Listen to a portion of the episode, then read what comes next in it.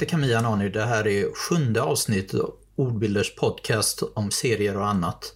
Idag har jag med mig Tinette serietecknaren Tinette Elmgren. Hej Tinette, kan du berätta lite mer om dig själv? Hej, uh, jag Hej. är som sagt serietecknare och jag har tecknat serier sedan jag var barn ungefär. Uh, jag är självlärd uh, och jag har främst gett ut serier i Sverige men jag bor numera i Tyskland. Ah. Uh, hur, hur, började det för dig liksom att uh, ditt intresse för serier, vad var den första serien som, som du märkte av eller var det inte serier som fick ditt, startade ditt intresse för att teckna eller hur, hur började det? Uh, jag har nog alltid tecknat och skrivit sedan jag var barn, så jag kunde hålla fast i en penna ungefär. Okay. och um, när jag var barn. Alltså vi, jag har en äldre syster och eh, hos oss mm. så prenumererade, fanns, hade vi prenumeration på Bamse och Kalle Anka och vi hade också en eh, förmodligen komplett samling av alla Mumin-serier. eh, och eh, alltså vi läste alltid serier ända sedan jag föddes ungefär. Mm. Um, och ja, uh, och vi tecknade tillsammans eller uh, bara för sig. Uh, vi tecknade bilder och serier och skrev berättelser. Det här är din syster som också tecknar serier nu, eller hur? Just det, Ainur Elmgren. Och eh, var, det var serier ni tecknade från början då, eller var det var liksom bilder? Eller? Ja, det var både och. Alltså, vi läste en massa serier, men vi läste också bilderböcker och böcker utan bilder mm. och sådär. Eh, och um, det var inte specifikt att vi verkligen ville teckna serier och bara serier, utan vi gjorde allt mm. möjligt. Eh, skrev korthistorier och eh, tecknade bilder och eh, tecknade serier. Okay. Och eh, när jag var barn så ville jag egentligen bli en riktig författare och skriva riktiga böcker utan bilder. Men samtidigt så tecknade jag också alltid bilder på, mm. på figurerna i, i mina berättelser. Och på scener där de utspelade sig och sådär. Och jag hade alltid okay. behov att liksom teckna bilder till berättelsen och sen vid något tillfälle så insåg jag att eh, serier kanske ändå är det mest effektiva sättet att berätta eh, historia mm. för mig. Men du sa att du var eller att du är självlärd bara. Du, var inga, du tittade inte på... Du, härmade du olika andra serier då i början eller hur, hur gjorde du för att, eh, att utveckla dig själv eller bara tecknade och liksom tog det fram hur hittade du ditt sätt liksom att berätta? Mm. Eh, alltså inte avsiktligen kopierade jag inte andra mm. tecknare. Men eh, jag var väldigt påverkad av eh, flera olika tecknare såklart. Men eh, just för att jag inte... Eh, jag började teckna serier på allvar först när jag var 15 typ.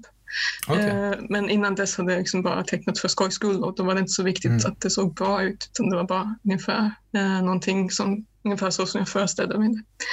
Um, men alltså det som var hade mest inflytande på mig tror jag var, som för många andra i min generation, var när mm. de första japanska serierna kom till Europa. Och okay. eh, speciellt Akira av Katsuhiro Otomo som kom i början på 90-talet. Det var jag, liksom en... Ja. Mm. Nej, jag tyckte ehm. Akira visst var inspirerande själv, men jag tyckte att han tecknade lite för bra, så han skrämde bort mig lite. ja, det var på något sätt det var en sån fantastisk upplevelse. Det var uh, han, ett fantastiskt fina teckningar. För han mm. en liten stil som är väldigt påverkad av europeiska serier också. Ja, det hade han så nog. Att, uh, så att det var uh, men väldigt fina actionsekvenser och sådär. Så att jag ville teckna precis som han. Eh, mm. Men då på den tiden så tecknade jag inte så bra. Eh, man kan se lite i början på min eh, serie Drivgods att jag försökte teckna figurerna ungefär som Katsuhiro Otomo. Mm. Men sen kom det fler serier från Japan under 90-talet och Rumiko Takahashi, eh, Ranma och eh, Battle Angel Alita och Hayao Miyazakis Nausicaa of the mm. Valley of Wind och de serierna. Som, serier som, och, som, har, eh, som har väldigt i, olika genrer och väldigt olika stilar egentligen. Som, ja. Ändå. Ja. Men, men, och, men jag, tyck, ehm, jag, ty, jag tycker en, man syns i, i dina serier på något att det känns lite, jag tittade på uh, Eva lite också. Jag tänkte, ja det här känns franskt och japanskt. Bland, inte på något sätt. Jag kunde inte liksom placera mm. vem eller sådär, men, det, men det, det kändes lite på något sätt ändå. Ja, ja jag har också läst väldigt mycket europeiska serier och mm. amerikanska serier. Um, försökte fundera på vad det kan vara för europeiska serier som har direkt påverkat mig. Uh, kanske mest uh, Hugo Pratt och Corto Maltese. Okay. Med hans uh, teckningsstil. Som ja, jag, tänk, jag tänkte faktiskt tusch, på just uh, Corto Maltese när jag tänkte, jag, tänkte, jag kunde inte komma ihåg hans namn, men, jag, men jag, nu när jag sa hans, den, den titeln så, ja just det, det var den ja, som jag tänkte mm. på. Och sen de här romantiska äventyrsberättelserna med lite magi och psykedeliska element. Mm. Men du, du har själv inte gjort så mycket, om man säger, övernaturliga berättelser så mycket väl? Ja, i Drivgods är det ganska mycket övernaturliga Okej, okay, okay, det är den jag inte läst så mycket av. Mm. det är min, äh, mitt epos på 400 sidor. Mm. Jag började läsa den här men jag kom inte så långt än, än så länge. Eh, men var det, du började med att eh, göra en, eh, vad heter det, fanzines. Var det också väldigt tidigt eller? Mm, ja, det, var, det tog ett tag. Det, var, mm. alltså det första fanzinet som jag gjorde det var faktiskt eh, som specialarbete i gymnasiet, i sista året okay. i gymnasiet. När eh, mina klasskamrater gjorde seriösa saker som att skriva uppsatser om något viktigt ämne så, mm. så föreslog jag bara att nej, jag vill göra en serietidning som specialarbete. Och eh, det gick de med på, så då mm. gjorde jag mitt första fanzine. Kommer du ihåg vad den hette? Eller? Ja, det var eh, Tunguska nummer 0. Okej, okay, det var, det, alltså var den. det var början där då alltså? Ja, precis. Eh, och då tecknade jag tre serier speciellt för den tidningen. Bland mm. annat den första serien om Eva. Okej. Okay. Jag, jag funderade lite på att eh, du har ju flyttat mellan olika, många olika länder och så. Och sådär. Mm. Dina serier utspelar sig ofta också i något tredje land eller någonting som du kanske inte har varit så mycket. Eh, är det någon speciell anledning att eh, till exempel Eva är väl någon sorts Hongkong eller liknande, eller hur? Jo, jo. Uh, alltså just serien om Eva, uh, där så var den största inspirationen, den första inspirationen var att jag såg eh, filmen Chungking Express av Wong Kar Wai. Eh, som den, det är egentligen två olika berättelser i en film. Mm. Och eh, båda utspelar sig i Chungking Mansions som är ett eh, byggnadskomplex i Hongkong. Eh, och det, det är typ eh, två, flera stycken stora höghus med en massa affärer och restauranger och mm. lägenheter och hotell och sånt i allting i de här byggnaderna. Så man kan i princip äh, leva hela sitt liv bara i Chongqing Mansions. Och ähm, Wong Kar Wai själv växte upp där äh, på 60-talet. Och ähm, det var nog den första Hongkong-filmen som jag såg någonsin okay. när jag var tonåring.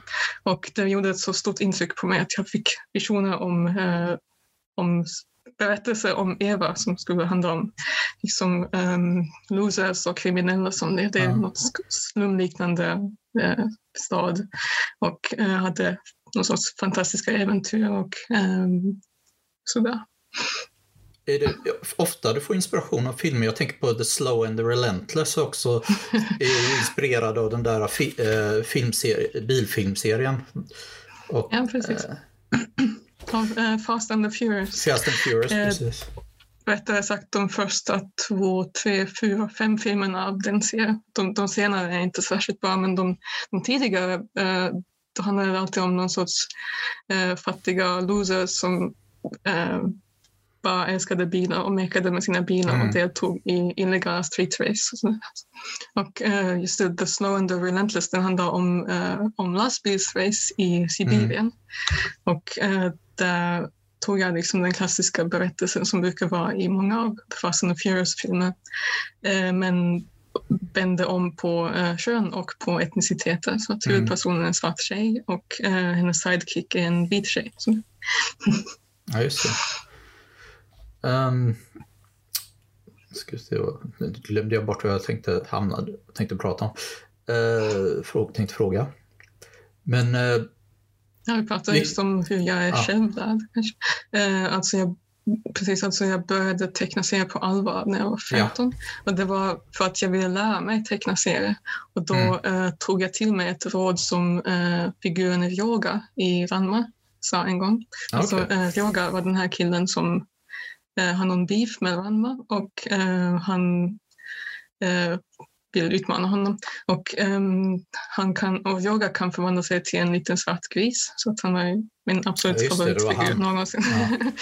Ja. eh, precis, men en grej som Yoga sa i en scen var att om du vill lära dig något så måste du göra det på riktigt. Så Mm. då tänkte jag att okej, jag vill lära mig teckna serier och då lär jag mig det bäst genom att teckna serier på allvar.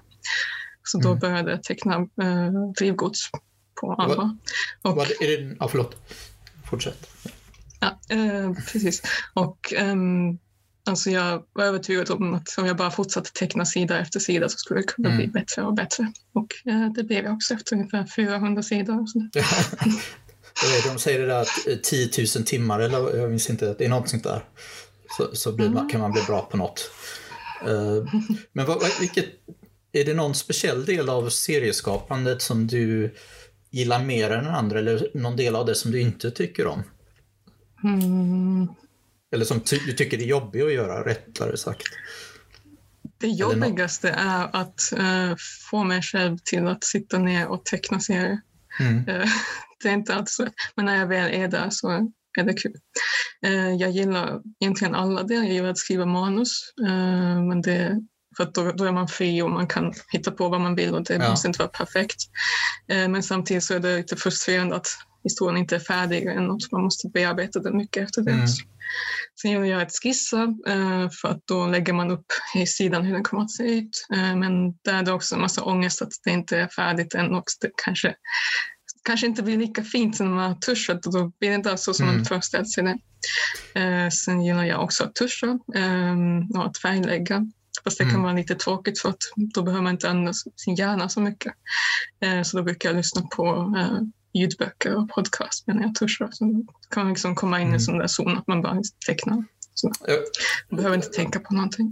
när jag pratade lite med no- några av de andra serietecknarna som till exempel Lisa Medin så pratade hon om att hon får väldigt mycket bild, ser bilderna i huvudet väldigt starkt innan hon tecknar. Är det samma för dig? Eh, ja, det absolut. Alltså jag ser framför mig vad som, hur det ska se ut inne i mitt huvud. Eh, men jag har hört att inte alla kan föreställa sig bilder inne i sin hjärna, men det kan Mm. jag göra. Det låter som det, det skulle bli lättare om man har det liksom starkt, en stark bild i huvudet redan.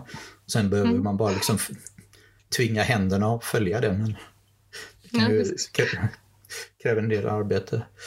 Ja, Eh, mycket av det att lära sig teckna är att få eh, handen Mm. att göra det som hjärnan vill att den ska göra. Ja, jag förstår det. Ja, men, ty, när, du tecknar färg förresten, jag funderade, har du en speciell eh, palett eller så? Därför jag, jag tittar lite på sockerärtor och eh, den här eh, Christmas eh, in Friedrichshain. Är det så man uttalar det? Jag vet Mm, inte. ja. Det, det är liknande liksom färgskalor och sånt där. Så jag undrar om du brukar använda det av en begränsad eh, färgpaletter eller sånt där när du målar. Mm, menar du i alltså färgerna? Vilka Ja, att, färger att, du, att du brukar begränsa antalet färger du använder eller använda vissa skalor eller någonting. Ja, det finns vissa färger som jag tycker bäst om. Eh, Jag gillar Mm. inte grönt. Det är jättejobbigt att måla. Och det var också en stor utmaning i sockerärtor för att den utspelar sig på sommaren eh, på landsbygden där det är massa grönt Mm. eh, i växter och sådär. Ehm, Men jag gillar blått och lila. Sådär. Eh, Och sen finns det vissa färger som passar bra ihop med dem som kontrastfärger. Okej. Eh, Som orange och rött och sådär. Eh, vilka fler fanzine har du gjort förutom eh, Tunguska? Du har gjort ett antal och hållit på Eh, väldigt ja. länge med dem också. Jo, precis. Alltså jag, sen år 2000 har jag gjort fanzine. Ehm, och på min hemsida har jag 35 stycken listade, eh, allt som allt. Men det är inte alla som jag har gjort Mm. någonsin, utan det finns Oj. också andra som, eh, som i som kom ut i olika språk. Eh, Ja. Så då har jag bara ett av dem eh, listade där. Så det är minst 35 stycken, kanske 40. Jag har också deltagit väl i de här 24 timmars seriegrejerna också. Det har väl också blivit lite fanzines och samlat ihop av, av dem, eller hur? Ja, just det. Eh, 24 timmar ser jag. Just det, det, det är jättekul att jag är ganska jobbigt för att man är vaken Mm. i 24 timmar i sträck. Men det är liksom som magi att man liksom sätter sig ner och eh, börjar teckna och sen nästa dag så har man en helt färdig serie framför sig. Eh, eller så Mm. blir det en, sen är den inte färdig så som The Slow and the Relentless, det började som en 24 timmars serie. Mm. Men sen visade det sig att den var mycket längre och tog mycket längre tid än 24 timmar.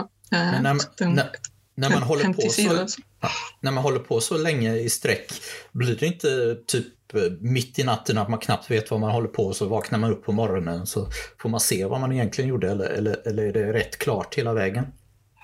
Eh, Det beror på vad man tar för droger. Eller, alltså, om man håller sig vaken hela tiden så eh, då man kommer liksom in i sån där zon att man liksom Mm. bara tecknar och fortsätter. Eh, Men ja, det är ganska jobbigt att vara vaken så länge. Så. Ibland har jag liksom tagit ett, jag tecknat extra snabbt och tagit ett par timmar och sovit däremellan. Mm. Eh, andra gånger har jag liksom bara tecknat hela natten igenom. Så, och tagit i mig en massa koffein för att hålla mig vaken. Hur, började du få ut dina fanzine? Började du gå på de här festivaler? För du har väl varit på egentligen sådana här eh, också olika festivaler lite överallt, även i Finland och Tyskland också antar jag. Mm. Um, alldeles i början så gjorde jag bara fanzine och Mm. eh, visste inte riktigt hur jag skulle sälja dem. Det var mest till vänner och bekanta och eh, sen också via postorder, via eh, den här i Bild och bubbla så fanns det en, Okej. eh, det finns säkert fortfarande den här spalt, Avig-seriespalten som recenserar fanzine. Mm. Och därigenom fick jag en del beställningar på postorder. Men sen eh, 2005 eh, var jag med på mitt första SPX, alltså det som nu för tiden är Stockholms internationella seriefestival, Mm. på den tiden SPX och var fokuserad på just small press, eller egen eh, utgivna serier. Ja. Och eh, jag tror jag hörde talas om det från Bild och bubbla också. Och jag åkte Mm. dit och hade inga som helst förväntningar och sen var jag helt chockad av att det var en massa folk som kom och läsa mig och köpa mina serier och faktiskt kände till dem sedan tidigare. Så jätteroligt att vara där. Sen dess har jag åkt dit eh, varje år. Mm. Ehm, och också andra festivaler som jag har deltagit på eh, i Helsingfors seriefestival. Eh, mest för att min syster bor i Helsingfors, äh, bodde tills alldeles Mm. nyligen i Helsingfors. Och ehm, sen några olika festivaler i Berlin. Ehm, Comic Invasion som är lite mer eh, kommersiell, lite liknar Okej. eh, Stockholms festival. Är, är det väldigt Och- stor skillnad mellan de olika, i känsla mellan de olika festivalerna liknar de varandra rätt mycket i? Nej, de liknar varandra väldigt mycket för att det, det är som en alla seriescener är ganska likna, eh, liknande varandra i olika länder. Så, så ungefär samma sorts personer som håller på med serier och som går på festival. Jag förstår. Men eh, ja, du, du har varit på festivalerna som till exempel eh, SPX och så rätt länge. Du såg den växa mer, mer och mer då antar jag? ja, precis. Eh, som sagt, i början så hette den SPX och var just Mm. fokuserad på, på egen eh, utgivna serier. Sen blev den, han har vuxit och blivit allt större med internationella gäster. Så Mm. så det, det är jättekul att ha varit del av den processen. Tycker du att det, det har blivit, blivit lättare att sälja också när den blev större eller var det, förändrades det på något sätt rent eh, hur, hur det gick att sälja alla sina grejer och, visa, och synas bland mängden eftersom det blev fler och fler pennor. Så, Mm, det är svårt att säga för att eh, tillsammans, alltså jag har ju själv vuxit tillsammans med SPX och blivit mer känd och gett ut fler serier så att eh, mm. jag kan inte riktigt eh, jämföra det. Nej, förstås. Eh, men eh, till slut så, så, så blev ju i alla fall Eva Aspests hjärtan, förlåt, publicerad i, i Sverige i bokform. Mm. Eh, var, var det liksom uh, ur din uh, materialet direkt från uh, dina fanzine eller ritade du om det när den blev publicerad till slut eller hur fungerade det? Just det, ehm, de flesta berättelserna hade jag färdiga redan och sen tecknade jag två historier till, till boken så att det skulle bli lite tjockare, ha mer material. Okay. Men jag, jag tecknade inte om någonting. Eh, jag gillar inte att teckna om saker för om, mm. även om det inte var, så, inte var perfekt, alltså ingenting är någonsin perfekt. Och om jag har tecknat någonting färdigt så är det färdigt och då går jag inte mm. tillbaka och ändrar i det. Jag funderar på om, eh, jag tittat lite, när man ser dina, även lite dina äldre serier och lite de senare. Eh, man känns lite som du gillar lite snabb och lite lätt eh, inte lättritad, det vill jag inte säga, men lite sådär att det ska kännas... Uh, uh, hur, vad, ska, vad är rätta ordet? Uh, lite skissartad skulle jag säga. Inte riktigt det, men mm. jag vet inte ordet jag letar efter. Ja, vilka serier tänker du på? Allt från sockerärtor till e Eva, den har, den har lite, och även den här, den har lite av den här snabba känslan skulle jag säga i linjerna. Kanske det, det, alltså. det är inget som jag har gjort medvetet annat än mm. i 24 timmar serier. Men jag, äh, det vore kanske helt omöjligt att koncentrera mig på att teckna jättenoggrant och jättelångsamt. Mm. Nej, jag, jag, bara undrar om det var en, eh, en stil som du gillar mer än att, liksom, så att det ska vara väldigt starka och bestämda så är det mer liksom spre, spretigt över ordet mm. vi letar Ja, kanske det. Alltså, jag gillar just äh, skaffering och sånt där. Mm. Um, och jag har en, en tecknare som jag är väldigt påverkad av eh, Jivo Matsumoto som kanske inte är så ja, känd för att det är inte så många av hans, hans serier som har översatts. Nej. Men han tecknar mm. väldigt eh, spretigt med mycket skaffering. Mm. Skulle du kunna berätta väldigt snabbt vad Eva handlar om? För de som ja, inte har läst eh, Det handlar om, alltså Eva är ursprungligen en figur i Drivgods och det här är alltså spin-off-serie, eh, korthistorier om små episoder i hennes liv som är, lite mörkare och mer våldsamma än eh, vad Drivgods är. Och eh, det handlar mest om hennes vardag eller om jobbiga saker som händer och så måste hon ta till eh, extremt mm. våld för att eh, ta sig ur dumma situationer. Så, och det utspelar sig i någon sorts eh, storstad i eh, Fjärran Östern, kanske i något land som heter, liknar Kina.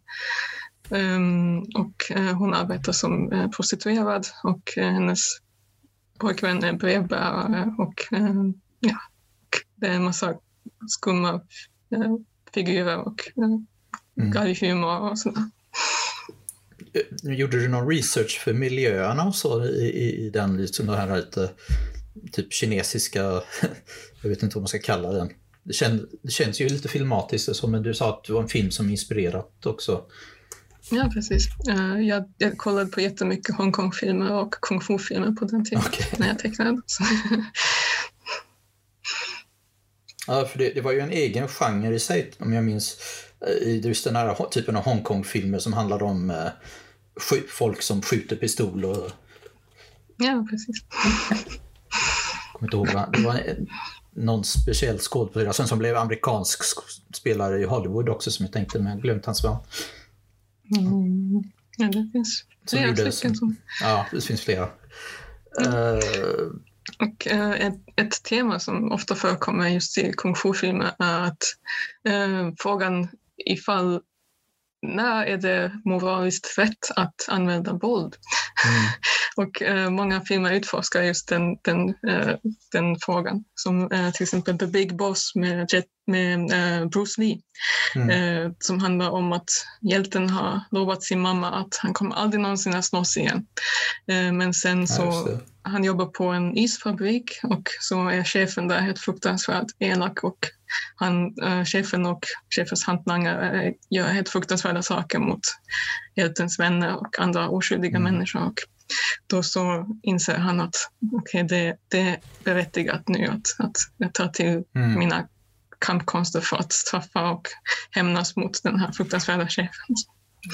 I, I Eva är det ju eh, framförallt, inte framförallt för det finns ju, männen har, håller på med rätt mycket våld men det är kvinnorna som är väldigt våldsamma också. Eva är ju väldigt handlingskraftig i, ja, i precis. Alltså, just uh, den samma fråga så har jag också utforskat väldigt mycket i serien om Eva. Att, mm. att hon hamnar i sådana situationer där det nog ändå är moraliskt okej okay att använda extremt ultravåld.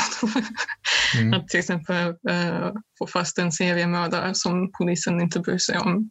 Eller att hon blir uh, tillfångatagen och av uh, gangster som vill tortera henne. Så måste hon helt klart döda dem för att komma ifrån dem.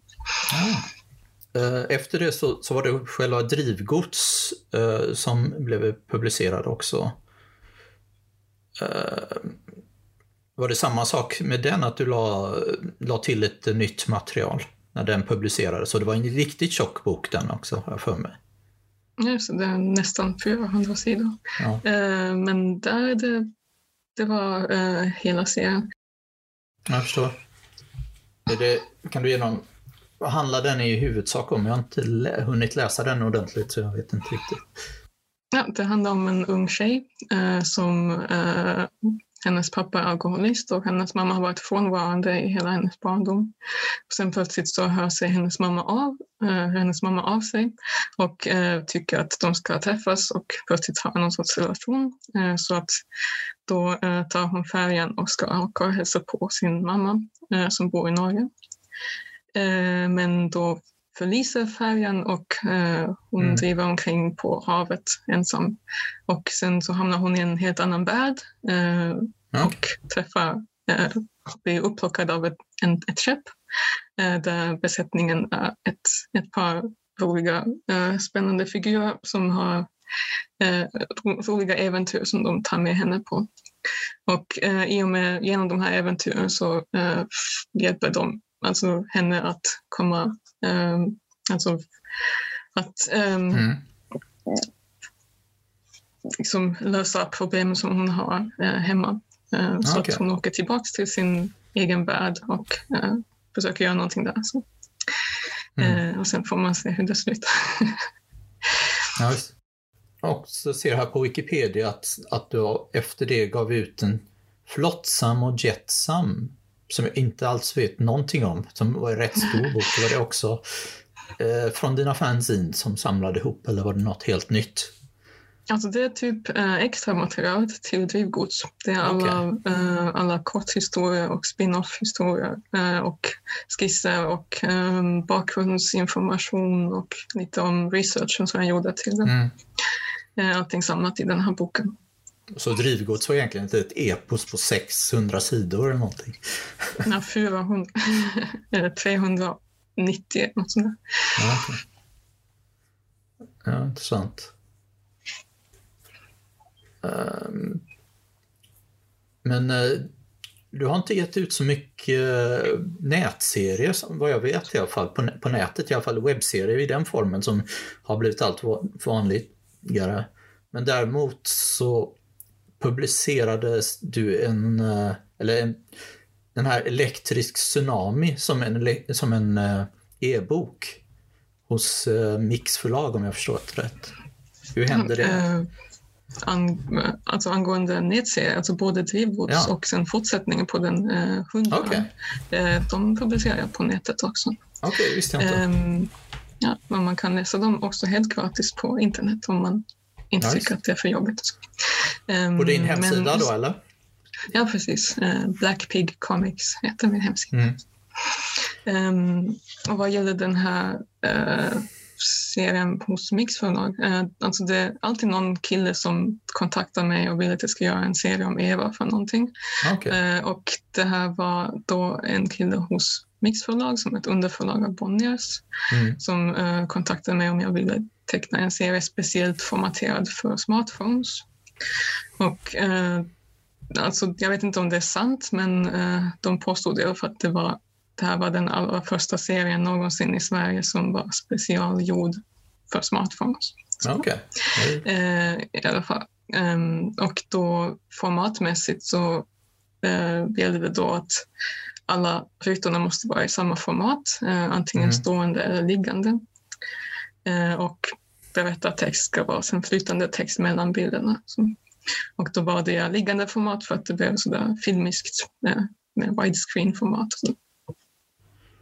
Det, det var bara liksom format, storleken på bilden du får tänka på i första hand när den skulle göras till, till, till e-boken då, eller hur man ska säga. Men det var menat ja, alltså för att, att läsas på mobiler, och, eller bara mobiler eller en större iPad och dator också? Ja, främst på mobiler, men mm. också på iPad. Men just att eh, bilderna också måste vara tillräckligt eh, tydliga för, och texten tydlig nog för att kunna läsa på en även små, mindre mobiler. Okej, okay, så du fick ju, kanske göra lite större format på text och sånt? också då. Ja, precis. Vad handlar ja, den? Äh, ah, förlåt. Ja, nej, precis. Ska vi just komma till det. Och den handlar ja. om eh, om att Eva får ett ovanligt uppdrag, eh, nämligen mm. att eh, hon, alltså hon ska inte vara bodyguard utan typ penisguard åt en snubbe som eh, är så het och har så lite självkontroll att han är rädd att han inte ska kunna förbli trogen sin fru när hans fru åker iväg på någon mm. vetenskaplig konferens eller något. Och eh, då anlitar han Eva för att hon ska eh, se till så att han inte har sex med någon annan. Så och då, eh, alltså det, eh, anledningen till att han anlitar henne är att ingen annan tar honom på allvar och eh, sen har han hört att hon har eh, färdighet, att hon kan slåss bra och eh, hon är farlig och samtidigt så är hon säkert härdad nog så att mm. hon kan stå emot frestelsen med honom. Men det, uh, den här världen med, med Eva, de här, jag tittade lite, igenom lite här uh, Dog Island. Den är också kopplad mm. till, uh, till den världen, eller hur? Är det en nyare ja. grej eller? Ja, det är ju fortsättningen på Drivgods. Okay. Um, och Eva var ju ursprungligen en spin-off från Drivgods. Mm. Så det är liksom två parallella universum där Evas universum är lite mörkare och, och uh, mer gritty så att säga. Mm. Eh, medan drivgods är kanske lite mer eh, ljust och positivt och har hopp för framtiden. Jag förstår. Men är, är, är Dog Island någonting nytt som är på gång nu? Eller ja, precis. Ehm, jag började, jag började på fortsättning på drivgods nästan direkt efter att jag avslutade drivgods och sen ehm, okay låg den på is i ungefär sex år nu. Mm. Eh, och nu eh, har jag börjat fortsätta på den för att i och med corona så eh, var det liksom att okej, okay, ingenting har någon betydelse så nu kan jag göra precis fan vad jag vill. Och då började jag fortsätta på att teckna den. Men jag hade liksom... Eh, Förlåt, nu fortsätter jag kan fråga dig sen. Ja, eh, ja, alltså jag hade någon sorts eh, blockering i, i sex år ungefär. Mm. Jag skrev väldigt mycket manus men jag tecknade aldrig klart. Alltså okay. sällan klart någonting. Så, eh, utom eh, sockerärtor. Um, så ja, och det var mest att jag hade någon sorts press att jag måste teckna någonting som är bra som kommer att ges ut av något förlag mm. och sådär. Men sen nu gör det skitsamma, jag tecknar bara. Det jag, tänkte, jag tänkte fråga, hur, hur ser situationen för, för kulturarbetare och och serietecknare och sånt där ute i, i, Tyskland? Finns, finns det något sorts stöd eller som man kan söka eller finns det någonting man kan göra? Ja, om man, har, eh, om, man har, om man kan bevisa att man har förlorat inkomst så kan man söka stöd. Mm. Eh, men det har jag hittills inte behövt göra för att eh, jag har tillräckligt okay. mycket jobb ändå. Uh, ja, vi kanske ska prata om just sockerärtor till slut nu. mm. det var ju, vad heter det, äh, vi la ut att vi sökte lite olika förslag till serier och äh, då skickade du in en liten äh, synopsis och några seriesidor till oss. Och jag minns mm. att det, det, var lite, det stod någonting, jag minns inte exakt, men det var någonting Uh, Miyazaki, ångest och någonting sånt där. Som Miyazakis grisserier och ångest. Någonting sånt där stod i, i din inte, uh, Yokohama Kaidashi Kiko möter Hansen Det och. Kikan det. med extra mycket ånger, dödsångest, något sånt där. Ja, någonting sånt där. Yoko, ja. alltså, Yokohama Kaidashi Kiko är den här eh, väldigt mysiga och fina postapokalyptiska serien som handlar om en, en robot som har en, ett café Mm. som är väldigt eh, lågmäld och finstämd eh, serie. Som, som jag, jag har inte läst mycket av den, men för mig det händer inte så mycket i den förutom det här att folk pratar och gör saker i den. Ja, precis. Men, Det, det är sådär små vignetter av vardagsliv och sådär. Den är jättefin. Eh, och sen eh, Hansen och Kikan är en av eh, de här många serierna som eh, Hayao Miyazaki tecknade om eh, grisar och stridsvagnar. Mm. Alltså, han har gjort många serier om eh, stridsvagnar och flygplan och stridsbåtar och sådär. Där alla figurerna är tecknade som små gulliga grisar. Jag kanske ska prata om, fråga om det först, liksom därför att det här är väl inte första gången, var det inte första gången du började teckna figurer som grisar antar jag? Eller var det det? Därför att det, Eh, nej, jag har tecknat grisar väldigt länge, alltså både Ja. antropomorfa grisar och eh, riktiga grisar. Och jag vet inte ens när det började, för jag har alltid ty- tyckt väldigt mycket om grisar. Jag hade en egen, eh, en egen gris som husdjur, som en så kallad minigris. Eh, Mm. Alltså i det sammanhanget att eh, normala husvin kan bli två meter långa så blir minigrisar bara kanske en meter långa. Så att, han var Var en det- minigris. var det här innan du läste Ramma eller var det i, i, i samband med det? Ja, det var efter eh, att Okej. jag hade upptäckt. Så. Han var också en liten svart gris, Ja, precis. som jag. Men han hette Sergej.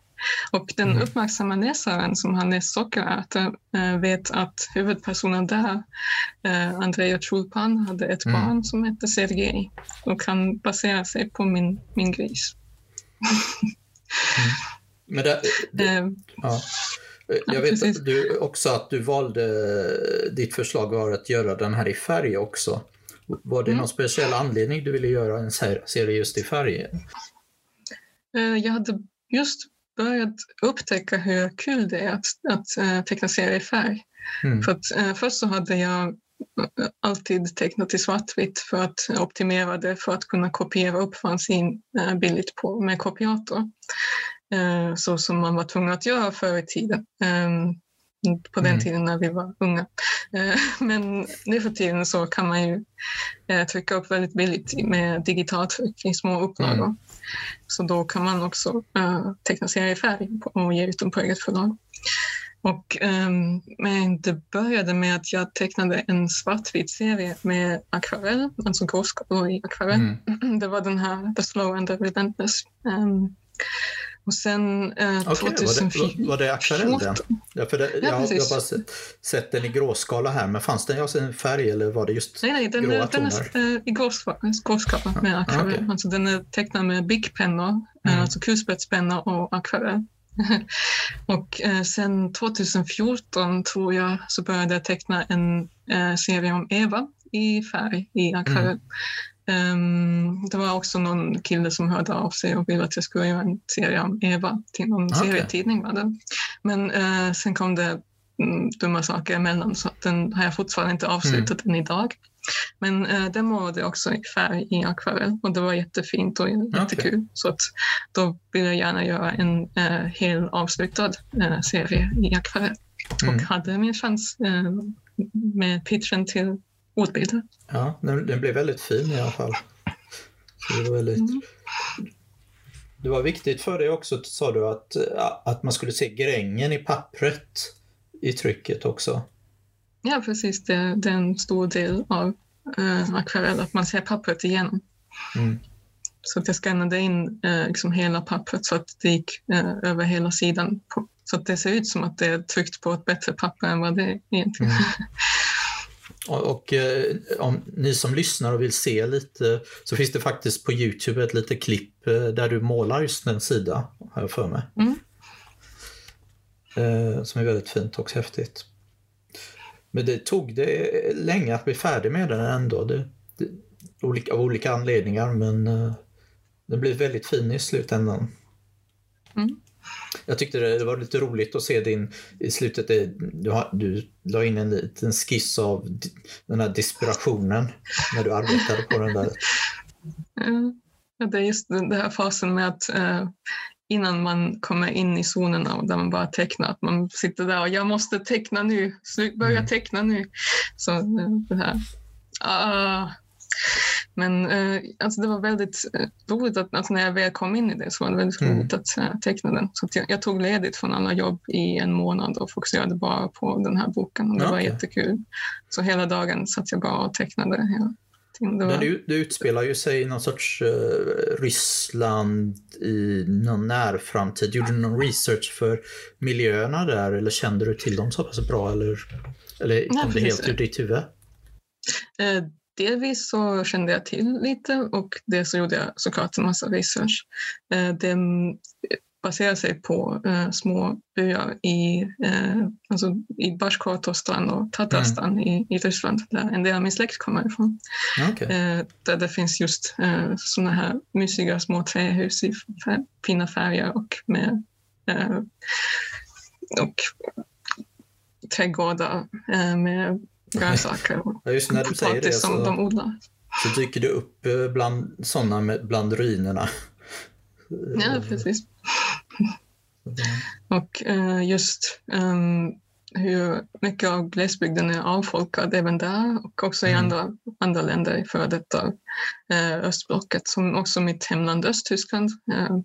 en, en vän till mig gjorde någon gång ett skämt om att Brandenburg, ett av, en av delstaterna i Östtyskland, att det är som postapokalyptiskt, att det finns städer där knappt Oj. någon bor längre och förfallna byggnader och massa industri som är nedlagt och bara skeletten av fabrikerna står kvar.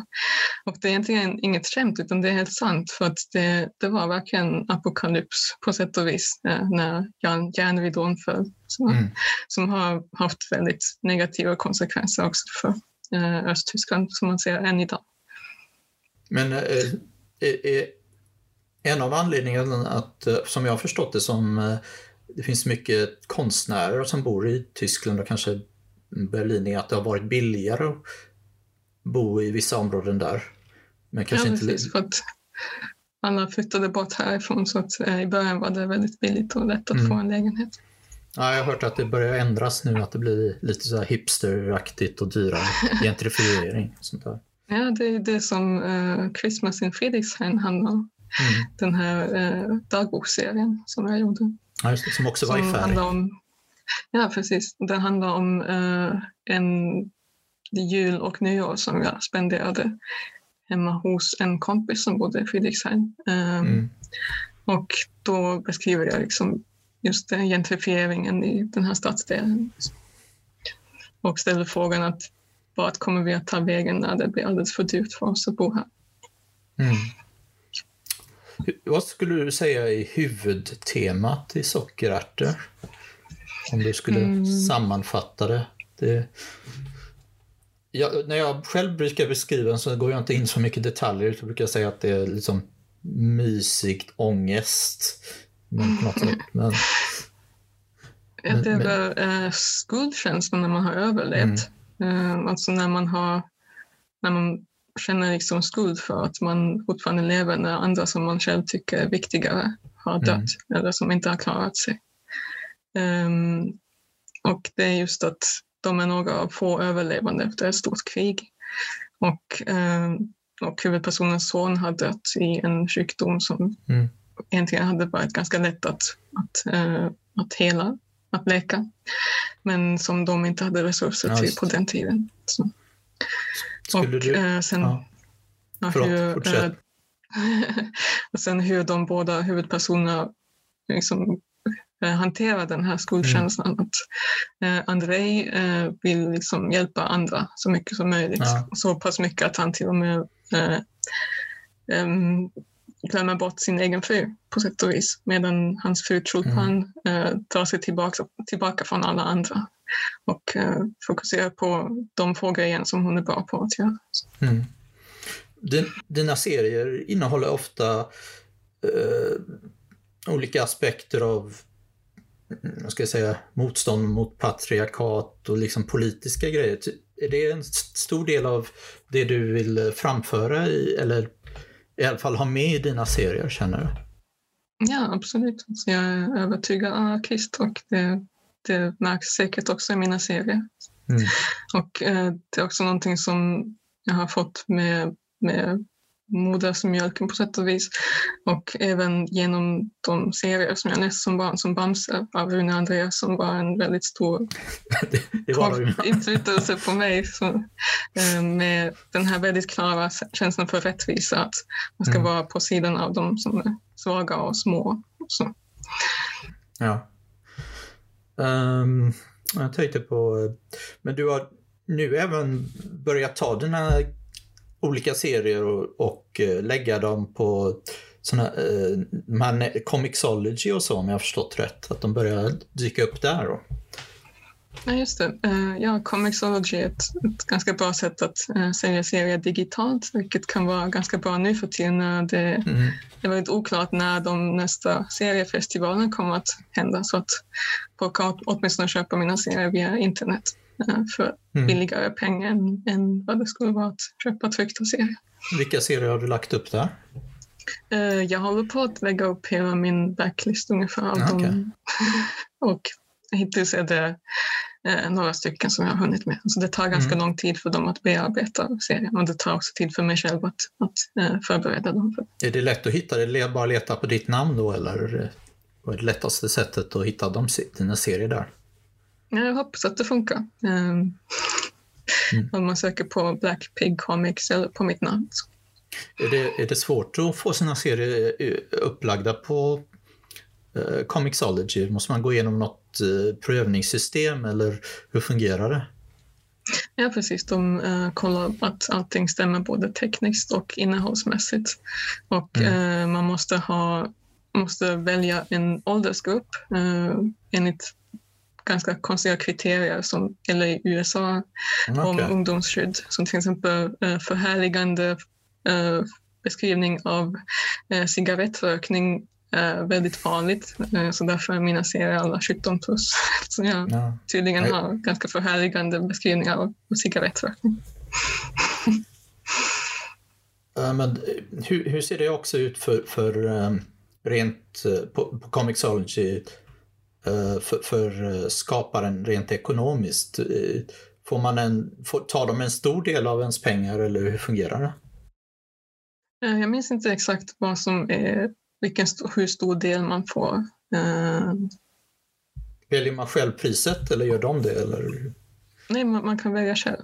Eh, mm. Sen tar de en viss procentsats av det. Okay. Och det, är, alltså det är inga stora pengar som det handlar om hittills i alla mm. fall. Eh, men det är ändå en liten, eh, många bäckar små. Så det är en okay. av många, eh, många eh, källor till pengar som jag har. Fick du, fick du göra om någon, dina bilder på något sätt för att de skulle anpassas eller fungerade det relativt bra att överföra dem?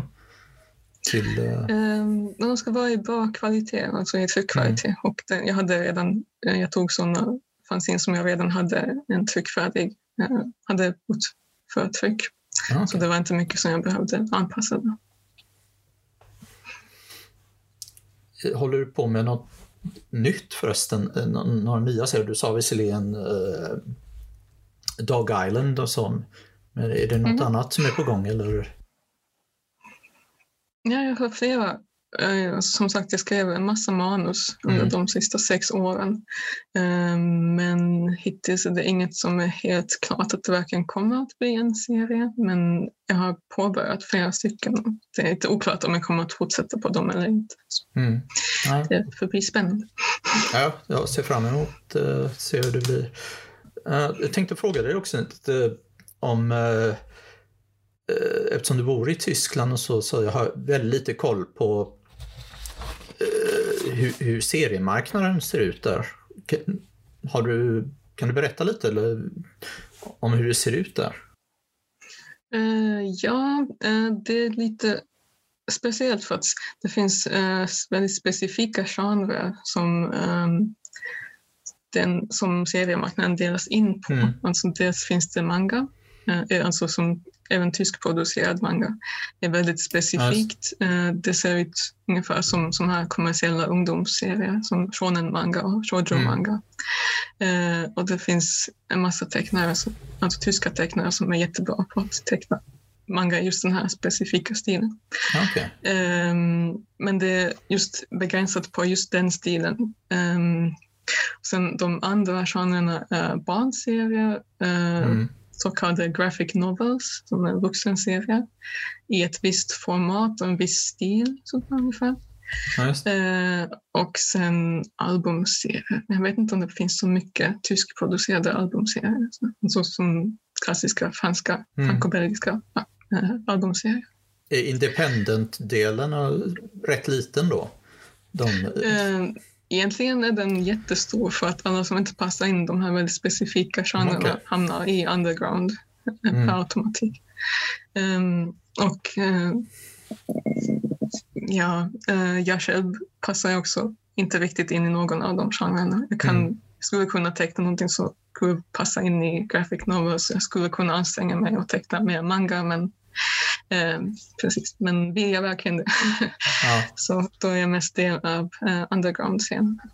Men det, som, jag, som jag förstått det så livnär du är i alla fall en del på att eh, for, göra formgivning och textning för olika serier, för olika förlag ja, och så. Precis. Det, det är det jag tjänar mest pengar på. Ja. Det är mitt dayjob.